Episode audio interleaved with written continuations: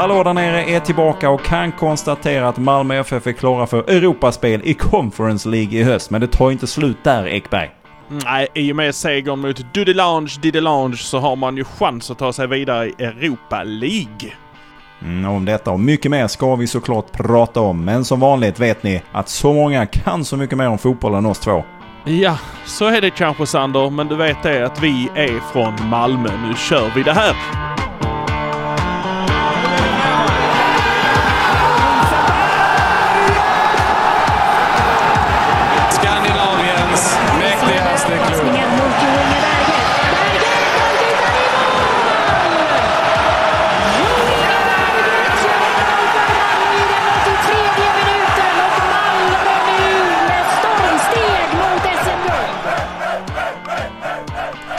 Strax ska vi prata om det som skedde i Luxemburg under torsdagen. Men vi börjar med det som de flesta av er vet vid det här laget. Att Ingmar Erlandsson har lämnat oss endast 64 år ung, Ekberg. Ja, eh, Ingmar kom till Malmö 76 som anfallare, men eh, Bob Houghton eh, skolade om honom till vänsterback. Det är ändå en resa man får, eh, får uppskatta. Eh, och han spelade fram till 1987, ungefär lika länge som jag gjorde. Jag började lite senare dock eh, faktiskt. Eh, Mm. 473 Ungefär lika många matcher. Ja, 473 matcher för MFF, två SM-guld och ett cupguld. Eh, och han var ju med i det här fantastiska laget som tog Malmö till final i Europacupen 1979. Och eh, Mm. utöver det så gjorde han ju också 69 landskamper. Ja, jag kan säga att Ingmar Erlandsson är en av dem och kanske inte den absolut... Han är nog den första MFF-spelare som jag har ett minne av när jag eh, var liten. Och som jag liksom fastnade för. Jag är född 76. Det betyder att jag var inte supergammal under de åren som han spelade. Men på de bilder som dök upp på Ingmar Erlandsson så log han alltid. Och han hade ett väldigt varmt och ett härligt leende. Och när man då är sådär i 5, 6, 7 års åldern så är det kanske viktigare att man ser snäll och glad ut än att hur bra man nu är på att spela fotboll. Så jag, jag, jag föll verkligen för honom och, och det leendet som han eh, alltid hade på de bilder som man såg. Sen var han ju en grym fotbollsspelare också. Vad är ditt intryck av Ingemar eh, Ekberg? Nej men det är ju som du säger, man hittar ju inte en bild utan att han har det där leendet, det där lilla... Ja, allt är bra. Hur är läget med dig då? Jo, det är bra. Ja, men det är nästan Alltså- lite pojkaktigt. ja, lite så. Jo, liv. Det ser inte ut som han hade några större sorger på sina axlar. eh, Men jag, jag ska också reservera mig för att mitt minne svek mig. Men jag är ganska övertygad om att han där i slutet av sin karriär och även min då var i Hörs IS och eh, på årsavslutningen och delade ut våra plaketter faktiskt. För det var ju, Hörs IS är ju en sån här samarbetsförening med, med eh, Malmö FF. Och Eh, jag tror det var så. Och sen så var det så här, Leif Engqvist var nog när vi hade sommarfotbollsläger. Eller så var det tvärtom. Jag är lite svajig på det där minnet men, eh, men eh, en av dem, där var han. Eh, därför man hade en sån här idolbild på honom för det fick man också liksom. Så att eh, jo då, han, eh, han, har varit, han har varit med. Eh, det har han.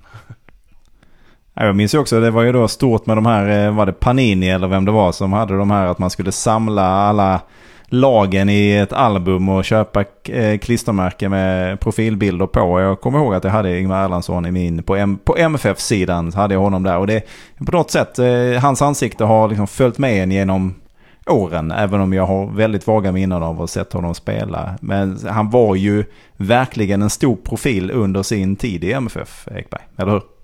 Ja men så är det ju och det, det märker man ju inte minst. Jag träffade ju Staffan Tapper eh, i våras när han tog ut sin alla tiders MFF-11 och av alla som har spelat i Malmö FF så viker han ändå en plats eh, helt självklart till Ingmar. På vänstersidan så, så väljer jag också en spelare som, som kom fram på min tid som heter Ingemar Erlandsson.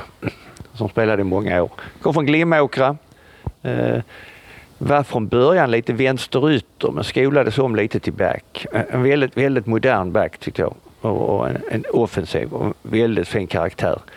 En vänsterfot som är suverän och hela tiden, man kan säga en korridorspelare som kan spela både upp och neråt hela tiden. Eh, beroende på lite grann hur man behöver falla hem. Och det, det här med tre mittbackarna som jag pratar om egentligen styr och bestämmer hur offensiv han blir.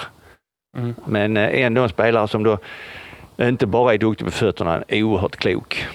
det är också viktigt att ha spelare som kan ta bra beslut, inte bara på plan utan utanför plan också tycker jag. Som vet vad som är min uppgift och hur laget ska fungera. Så Ingemar Erlandsson är rätt gjuten tycker jag som en vänsterspringare om man kan uttrycka sig på det viset. Ja, och Ingemar Erlandsson var ju också under många år medlem i klubbens styrelse efter sin karriär. Nu noterade jag, jag vet inte om du eh, såg annorlunda, men MFF spelade inte med sorgeband igår. Nej, de gjorde inte det. Uh, och det kan man ju fundera på. Jag vet inte, man, kan, ja, man borde väl få göra det i Europaturneringarna. Uh, eller det kanske finns någon sån liten regel som stoppade det. För att de har ju väldigt märkliga små regler att man inte får göra hur som helst. Mm. Man får till exempel bara använda European Nights-tröjan. Nej, men eh, jag kan ju tänka mig att eh, matchen på söndag mot Sundsvall, då kan det nog bli ett lite större hyllande av Ingmar och eh, en helt annan sak. Kanske en tyst minut eh, och så vidare. För det, eh, det, är han ju också, det är han ju en av legendarerna som är verkligen värd.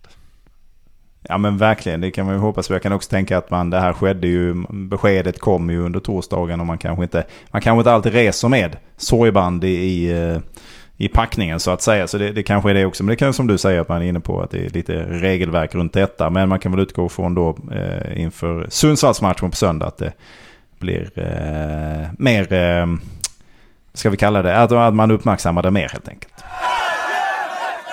Då går vi in på det som skedde under torsdagen på Stade Luxemburg. 800 pers i publiken om jag inte eh, har läst fel. Vad blev det här för match egentligen eh, Ekberg? Ja men åtta, jag måste först börja med 800 pers i publiken. Jag vet inte var de satt i så fall och det var väl kanske Eh, det var väl ett, eh, skulle jag gissa rätt om jag gissar någonstans 80-tal eh, Malmö-supportrar kanske lika många av deras supportrar trots att det är 17 minuter mellan deras vanliga arena och denna inlånade Europa-arena. Eh, sen var det en del delegater och eh, jag såg ju Mattias Nilsson sitta där och skriva frenetiskt eh, när, jag, när jag såg bilderna från, eh, som de klippte in lite hipp som happ i den här produktionen ska jag säga.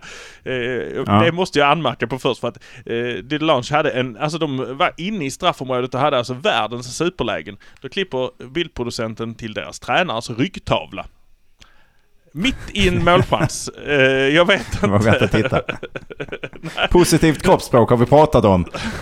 ja, precis. Så att, uh, väldigt märklig klippning. Uh, jag bara, men tillbaka, jag vill se vad händer. Sen var det rensat när det var klart liksom. Det var värre än en, en buffering på en, på en dålig lina liksom. Så att, jag, men, en, liten, men, en, en, liten fråga här innan vi går vidare mm. här bara. Mattias, då Sydsvenskans utsände, hur löste han sin fika-problematik den här gången när inte du var med då? Jag har faktiskt ingen aning. Nu hävdar han ju, kanske man har sett på vårt Instagram, att han hävdar med bestämdhet att han visst har hämtat fika någon gång. Eh, jag vet inte, så ung ålder, begynnande demens, för det är inte till mig han har hämtat fika i alla fall. Men men, Mattias, är, eh, jag, jag berättar för honom att du följer hans, eh, hans rapporteringar slaviskt nästan mm. när du inte är på plats. Mm. Han trodde mm. först jag skojade lite grann och sådär, men nej det gör du.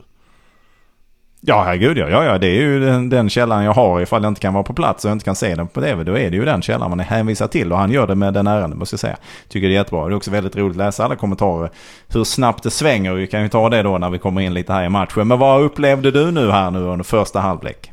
Nej men första halvlek börjar ju, eh, börjar lite grann som du och jag hade bett om. De spelar lite mer cyniskt. Det tog lite, alltså allting tog lite längre tid. AC låg ju ner efter 20 minuter. Jag sa till eh, dottern som också tittar så här, räkna nu sekunderna här innan, innan han kommer upp. Men han skadade sig, det gjorde han inte. Och sen så tittar vi, oj vad han springer sen. Ja det gör han för att Eh, AC var där och gjorde det. Eh, Johan Dahlin hade nog eh, fått på sig ett par, de hade nog torktumlat hans strumpor för att han fick stå och dra i dem varenda gång han skulle göra en inspark. Det tycker man om. Det tycker man verkligen om. Och måste ju sitta, måste sitta rätt. Det, det är materialspel, eh, materialsport där. Ja, och sen så, så fort bollen går liksom över den där kortlinjen, då går han utåt från straffområdet och börjar prata med Moisander. Eller, nej, nu var inte han på plan först, men i alla fall eh, Dennis eller eh, Lasse liksom så här. Ska de ha en konversation innan han går tillbaka och hämtar bollen, lägger upp den vid ena hörnan. Känner att det är inte rätt, lägger över den till andra, drar upp sina strumpor, skjuter iväg den. Så att det var lite så. Men Eh, det var också väldigt eh, det där var ett par chanser. Johan Dahlin fick använda de där uppsträckta strumporna eh, när han kastade sig och rädda. Han räddade Malmö ett par gånger där i första. Eh, även Malmö hade några chanser men det var lite det var lite opåkopplat kan jag tänka, kan jag känna. Eh, jag, jag satt och blev lite irriterad på till exempel Ceesay i ett läge där han där han, om han hade liksom så här gått på sin tappade boll så hade de nog vunnit tillbaka den i motståndarens straffområde och fått en chans till liksom. Men nu istället så hängde han mm. lite med huvudet och tittade liksom och sen så fick de starta om och så kom det någon från mittfältet och tryckte upp och så hade de en högre press. Um, det kändes som man var lite för säker på de här 3-0 uh, faktiskt. Ja, men det, Georgsson sa väl det också i någon kommentar att det kändes som att de bara gick och väntade lite på att det skulle ta slut i första halvlek. Ja men det är ju exakt, jag skulle komma till den också att uh, Georgsson satte fingret på det där att uh, det, det såg håglöst ut liksom. De var det, det, var precis som att, ah, kan vi städa av den här matchen nu så att vi kommer vidare utan att vi ska skada oss de hade också den här tendensen och det hade de faktiskt hela matchen igenom att de låg vi har pratat om det här en gång för länge sedan när det var typ AIK-matchen eller något sånt här. Att de ligger ett steg för långt ifrån i närkamperna så de måste alltid sträcka ut foten och tån liksom. Och, och då är det bara att plocka bort den och springa, för, springa runt dem liksom. Där var de hela tiden. Ett steg och jag vet inte om det är någon rädsla för att eh, här behöver vi inte gå in och skada oss eh, med tanke på alla skador som har varit. Eh, att man liksom tänker ett extra varv på det när man att vi går inte in så hårt i närkamperna. Spara oss istället så att vi håller och vi kan spela sen. Men, det, men som, som sagt, Jason eh, och jag håller helt och fullt med honom. Det ser ut som de bara gick och väntade i första halvlek. Eh, märkligt, de hittade inte varandra riktigt och de slog lite konstiga passningar och sånt. Men, men, men. Det, det var väl vad det var. Tack vare det här cyniska spelet också så var det ju inte så mycket som hände. Nej. Och eh, Bojetoraj gjorde ju debut då i Europaspelet. Hur såg han ut då efter första 45? Nej men det var ju lite grann det att det, det, det de hittade inte varandra 100 liksom så här med passningarna och det, det lades i ytan och då sprang han åt andra, alltså så här, det var lite sådana små, eller så sprang han och så kom inte bollen och så det var en liten kommunikations... Eh, eh, men det där är ju bara, man skulle kunna kalla det ringrostighet om man hade varit skadad. Mm. Nu är han ju ny i laget så det är bara, det, de ska bara hitta det där och de kommer ju sitta och titta på den här videon och säga där i det läget så drar du, där i det läget så stannar, alltså så här. Så att det där kommer de det där kommer de komma till rätta med. Det var inget större, större problem. Nej, men efter, alltså i paus så kände jag mig ganska, ja men 3-0. Det är skönt, det har vi. Det är 0-0 i den här matchen. Det här, det här löser ju sig. De gör ju inte tre mål på en halvlek. Och jag känner mig ganska nöjd med det. Jag känner mig ju ännu mer nöjd några minuter in på andra halvlek när det plötsligt då stod 2-0 till Malmö. Ja det är ju, ja. Och det där, det, det första målet är ju eh, otroligt vad snabbt det går när både Ceesay och eh, Boetrey springer. Alltså de, eh, de löper jämsides då på olika eh, ställen på planen. och sen den kommer Smart. In. Alltså det, det, är smart. Det har inte Malmö gjort hela tiden, ska vi ju också tillägga. Att man springer gärna på samma ställe på planen och står där och duttar. Men nu har vi en som går längs kanten, en som kommer i mitten som ett skott. Han bara drar när, samtidigt som Ceesay drar som är snabb. Så drar Boetrey. Så att de springer ju, båda två springer ifrån sina bevakningar. Så att det är ju helt öppet när han slår bollen in. Och det är bara ett tillslag, inget krångel, pang så är den i mål och så är det, så är det 1-0. Sen så tar det inte många minuter så gör nästan samma sak men det är, men Ceesay gör ju en prestation här som är ännu roligare nästan för att han tar den, nickar iväg den typ eller om, jag kommer inte ihåg hur han så här, men får den bakom nästa försvarare för han springer ifrån mittfältaren och sen får han den lite för långt bakom nästa försvarare. Nej då springer han om honom fast han har fem meter på honom. Och sen lägger han in den och där inne kommer då Ola som är lika klinisk som Buja. Um, men han hade lite längre tid på sig att komma upp uh, i, i, samma position. Men hade han missat mm. hade Buja varit på nästa led liksom. Så att det inspelet där, det är ju det är samma det här vi såg när uh, Isak gjorde sitt mål här förleden med där Ceesay också drog in den. Då kom nästa anfallare också där bakom liksom. Så att mm, det, det är den bästa, det är den bästa av världar de använder där. Ja, kan, du, kan du se nu eh, skillnader i anfallsspelet nu när Boje har kommit in och Ceesay också för den delen till, från hur det såg ut innan? Ja men det är ju det här att det, det går mycket snabbare och efter ett par gånger de gör de här rusningarna så drar de isär försvaret. Eh, och försvaret börjar titta.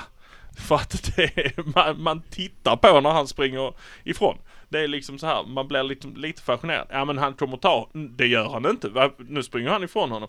Och då missar man lätt om man håller själv. Och då får de också en fördel. Så att eh, det kommer ju ett till sånt inlägg eh, på fötterna på Chase.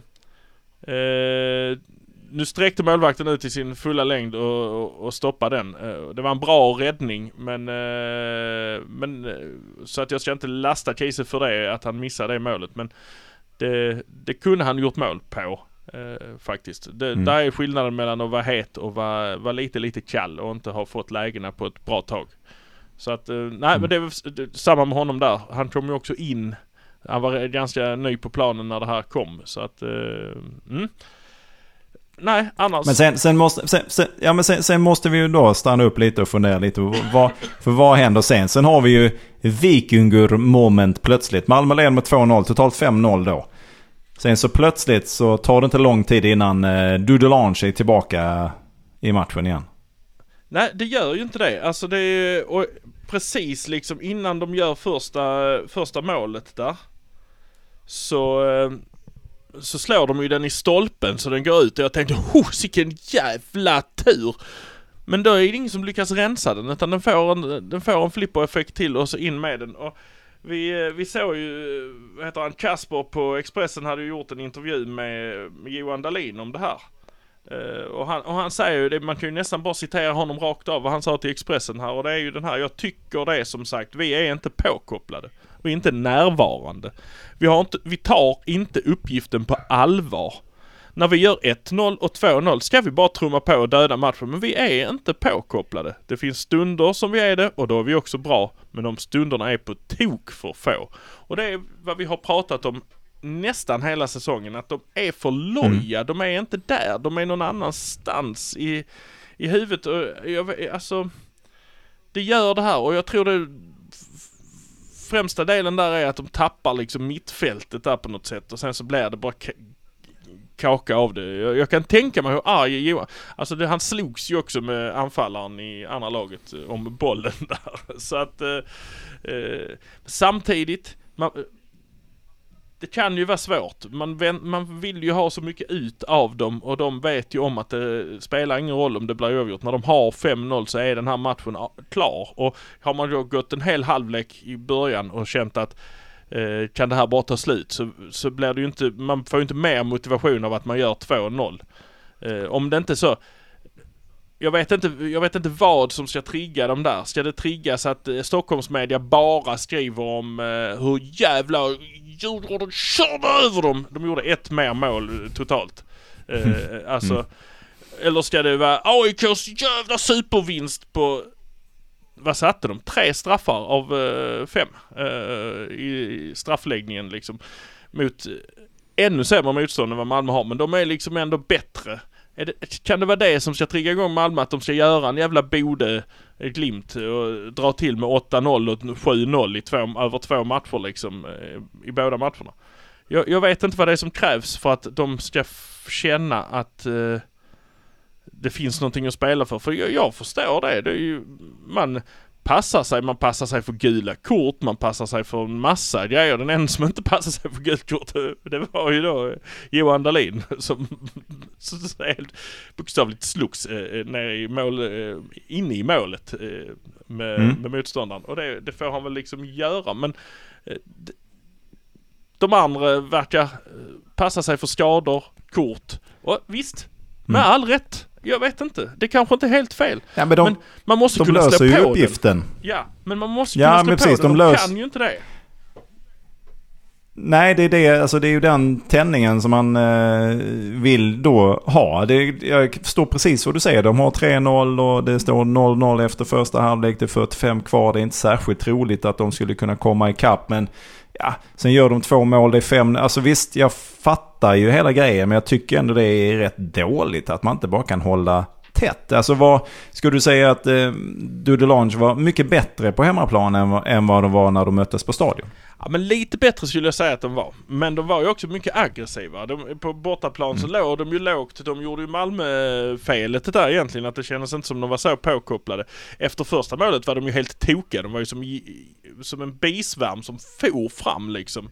Eh, Malmö fick ju freda sig där ett tag men det öppnade också för lite kontringar. Vi hade Kiese som fick en, eh, en kontring där men men eh, Nej alltså jag Lite bättre, lite bättre på hemmaplan om man nu Mm. ska räkna det som hemmaplan. Men de, var, de blev lite mer taggade. De kände att eh, det här har vi ändå lite häng på. Vi måste liksom försöka. Eh, Men, men är, är, det, är, är problemen i försvaret? Alltså, eller är det ett utbrett problem att ingen är påkopplad? Eller är det i försvaret? För att man släpper ju in ganska mycket mål. Ja, jag tror det är ett utbrett problem att laget inte är påkopplat. Så det börjar liksom från första, alltså uppe från anfallet. Uh, vi har ett mittfält som inte riktigt sitter än. Uh, jag vet inte. Nu var det Hugo Larsson, Peña och AC. AC kändes inte helt påkopplad heller. Men han var ju också så här. Intervju efteråt eh, med Mattias tror jag det var kanske som, eh, nej men du vet. Vi gjorde det vi skulle. Vi, vi tog oss Mm, vidare. Det, det var det som den här kvällen gick ut på. Eh, inget annat. Det gick inte ut på att vi skulle... Jag förstår att man inte tycker det är så jävla roligt att titta på det kanske. Men visst, vi, ska, vi skulle bara vidare. Nu är vi vidare. Vi är klara för ett Europaspel. Mm. Och där är vi. Det jag är mest rädd för är ju att de inte kan koppla om. Att de inte har switchen liksom. Att de kan slå om den här. Att gå från att vara loja till och helt plötsligt eh, bli mästarlag. Vet inte. Ja men, ja, men precis. Eller så är de så extremt professionella så att de bara har det. Men det, det tycker jag också man har sett lite bevis på under säsongen. Att de inte bara har den påslagningsknappen. Ja, så att man vill säga- ändå att de varvar igång. Jag skulle säga det, jag- har jag- du den påslagningsknappen? Har du sett den en enda gång under den här säsongen? Att man kan, att man kan slå på från att vara loja i en match eller ifrån en match Nej. till en annan? Nej, nej absolut inte. Men samtidigt, eh, AC har ju faktiskt rätt här att ja, men de gjorde jobbet. Eh, sen ser det kanske inte superbra ut liksom hela vägen. Men de gjorde jobbet. Nu är de vidare. Nu väntar ju då playoff till Europa League. eh, Och då är det Sivjanspor. Jag reserverar mig för det uttalet. Men eh, som jag då läste mig till, för jag fattade någorlunda rätt, att de, de tog sin första stora titel eh, förra säsongen och då vann de turkiska kuppen. Så det här är ju inte ett lag med ett enormt silverskap så att säga. Det här Nej, de bör är ju ju MFF i alla fall liksom. kunna matcha. Ja, ja, det är ju det är ju mer som Hammarby liksom. De eh, hyr ut lokalen till diverse fester. För att det är ingenting att förstöra inne direkt. Så att... Eh, Arenan var ju mäktig måste jag säga. Det var 25 000 eh, tar den. Jag kan fyller den aldrig Bli... tydligen. Nej, Gör de inte det? Ja, Jag, det har jag faktiskt ingen koll på. Men eh, gör de det så blir det ju ett jädra halabaloo. Ja, vi, har, vi får väl pusha lite grann för det här också. Eh, Fotboll Skåne har ju, Jonas Hansson har ju gjort en eh, gedigen genomgång av eh, det här laget. Eh, jag ska säga gedigen, jag har inte varit med om någon så gedigen genomgång av ett lag tidigare nästan. Nej. Så att, och där står just den att de har en stor arena som de aldrig fyller för att de har inte så många fans. Och det är ju också, där står en hel del om den turkiska ligan att det är liksom samma lag som har vunnit av 66 är det 57 gånger ett lag har vunnit och de andra gångerna har ett annat lag vunnit ligan.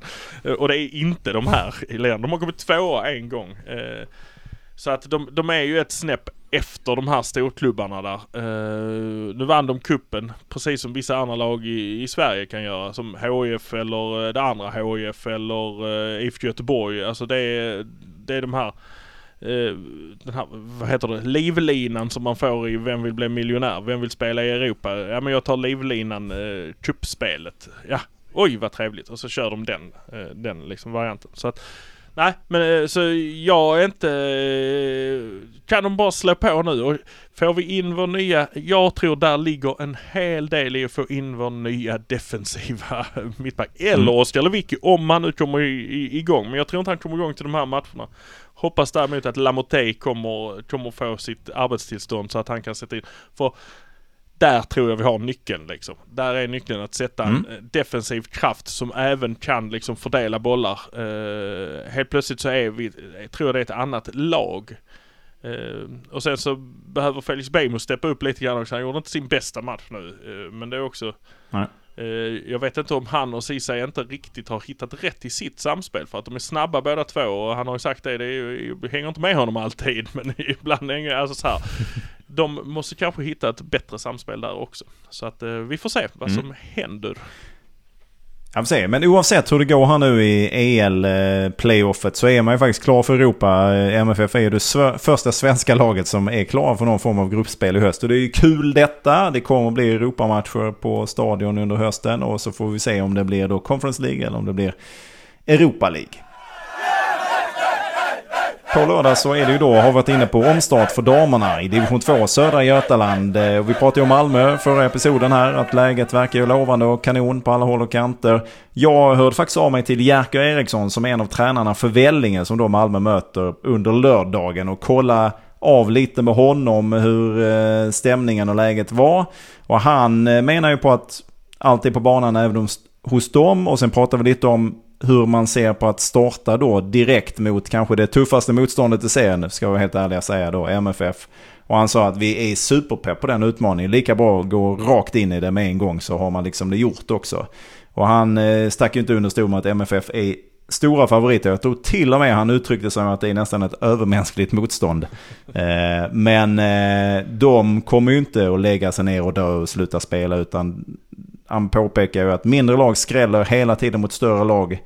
Och de ska göra allt de kan för att störa Malmö och, och eh, verkligen försöka få någonting med sig ifrån det mötet. Så pratar vi lite om eh, hur de tänker rent taktiskt då. Eller lägger man sig lite på försvar eller hur, hur känner de? Men det är klart att en viss defensiv taktik har de väl lagt upp. Men de vill verkligen gå framåt också och visa. Och Malmö har ju släppt in mål. De är inte, det är inte omöjligt. Så att eh, de, eh, de siktar ju på att eh, ta sig framåt. Och eh, vi pratar också lite om den här, det- den här omgörningen som görs då nästa år av division 1. Det är knappt att jag själv har fattat det. Men deras mål är ju såklart att bli topp 2, topp 3. För att de ska kunna vara med eh, och eh, spela i eh, rätt division. Den divisionen även nästa år.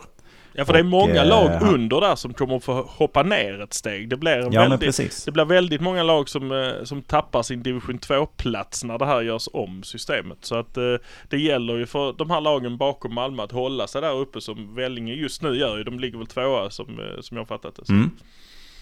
Ja men det är ju ett, eh, är ju ett toppmöte här och han...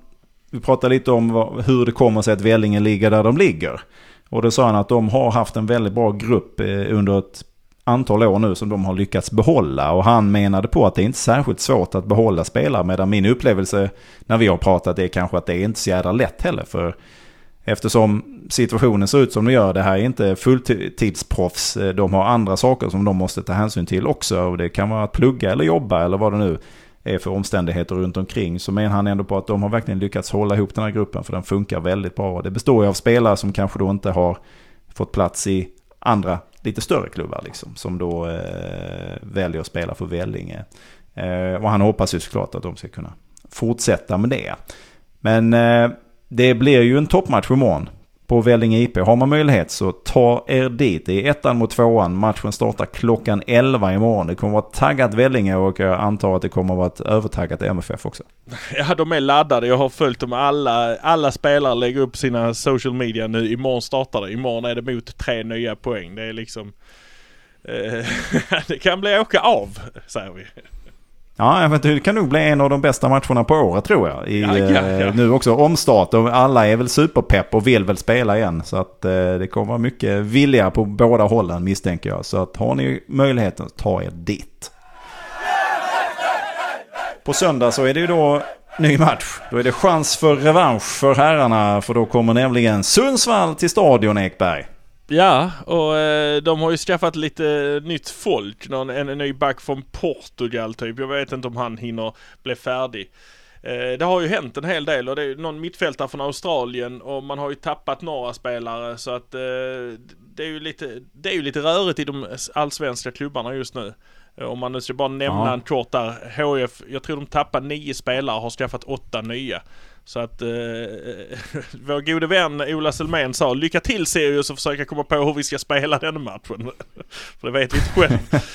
men, eh, eh, men Sundsvall har ju, eh, alltså de har ju en tung, de har ju en tung vår, en tung nystart och eh, det enda ljuset de har haft är ju vinsten mot Malmö FF och det är ju kanske inte så mycket på deras eget bevåg egentligen som att Malmö var riktigt urusla på att förvalta det de hade och skulle göra.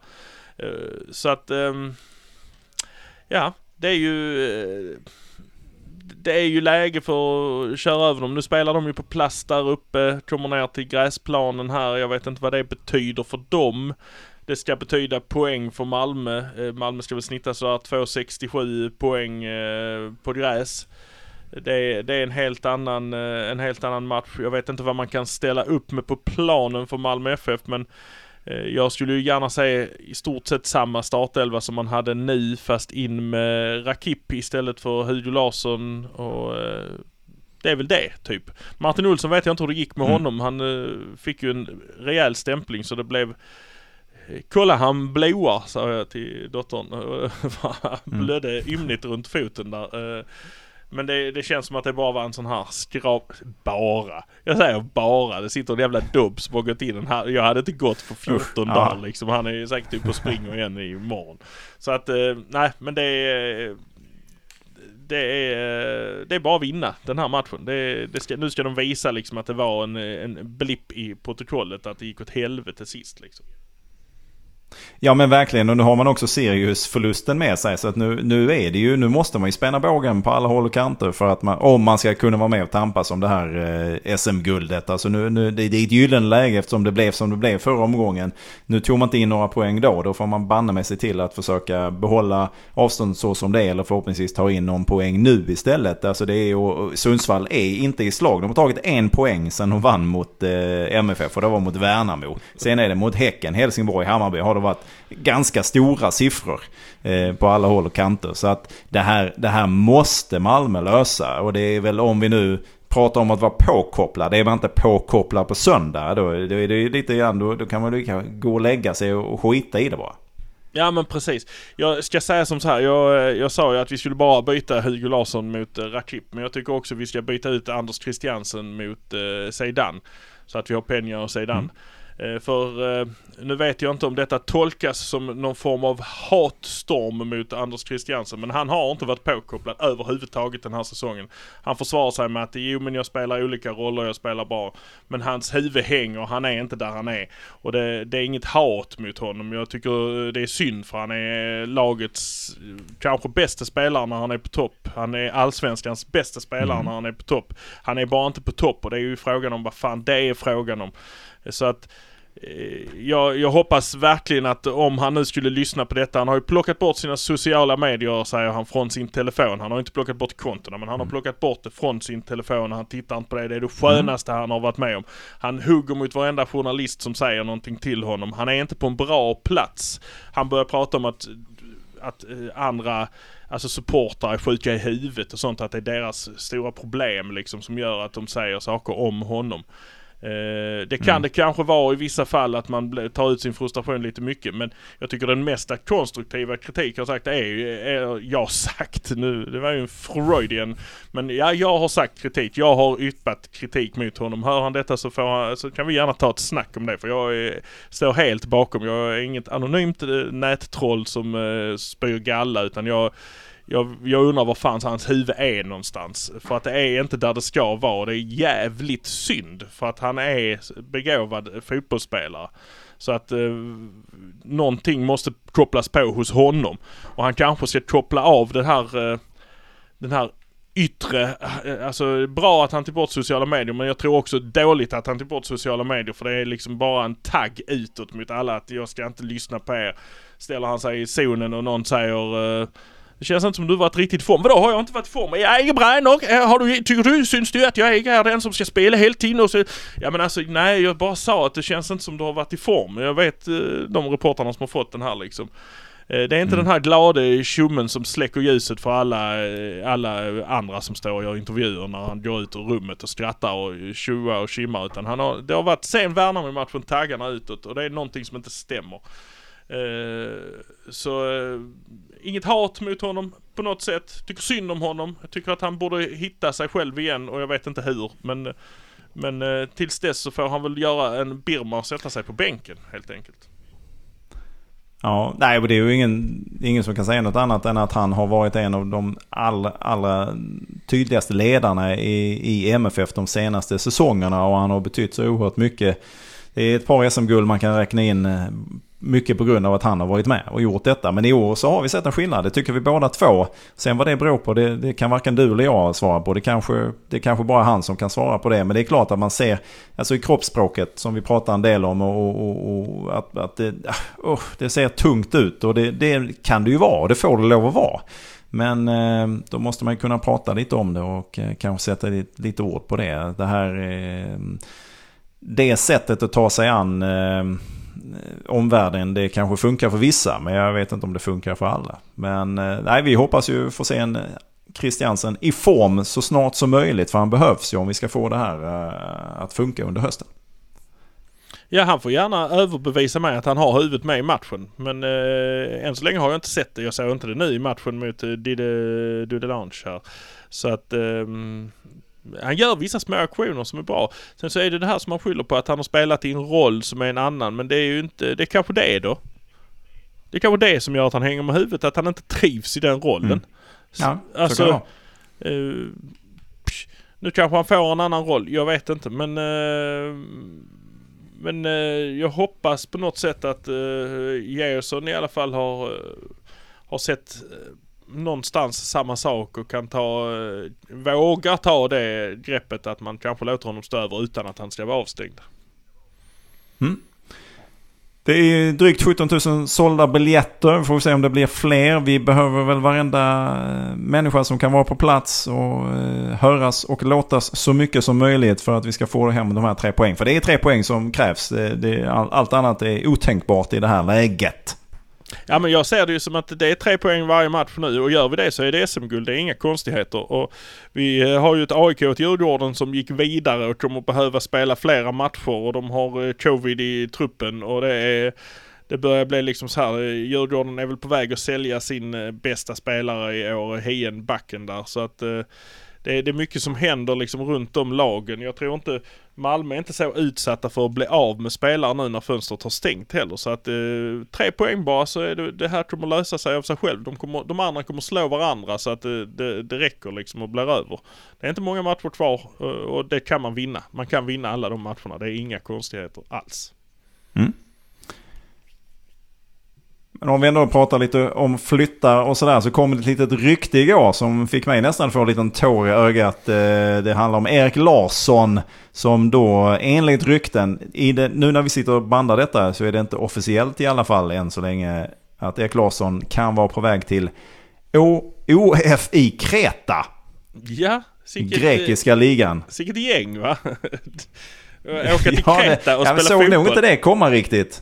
Nej, eh, men det är, ju, det är ju faktiskt eh, ganska underbart. Jag eh, hade väl också kunnat åka till Kreta och spela boll. Det, det är liksom en härlig, en härlig ö att befinna sig på eh, faktiskt. Så att ehm, det, det, tycker jag väl eh, är honom väl förunnat att få åka ner där och, eh, och antagligen bli stjärna i det här laget skulle jag säga. Ja, det här är väl inte en av de absolut främsta lagen i den grekiska ligan. Eh, har varit skakigt. Jag gjorde en snabb koll. Eh, mellan 2009 och 2018 så var det en väg tillbaka för eh, Kreta. De har ju legat i alla andra divisioner än den högsta då. Och sen kom de tillbaka 2018 och de är ju där nu. Arenan som ser lite spännande ut. Så att titta lite på den. Jag, jag gillar sånt. Den tar cirka 9000 pers. Så att eh, ja, det, det är väl kanske inte... Det kanske inte är en flytt snett uppåt direkt riktigt. Nej, men eh, det är en flytt till eh, där han antagligen kommer få spela hela tiden. Eh, det, jag vet inte hur lönen ser ut där, men jag skulle kunna gissa på att den är betydligt bättre ändå än i Malmö för att eh, kan man tänka. Det, ligan kanske rankas lite högre.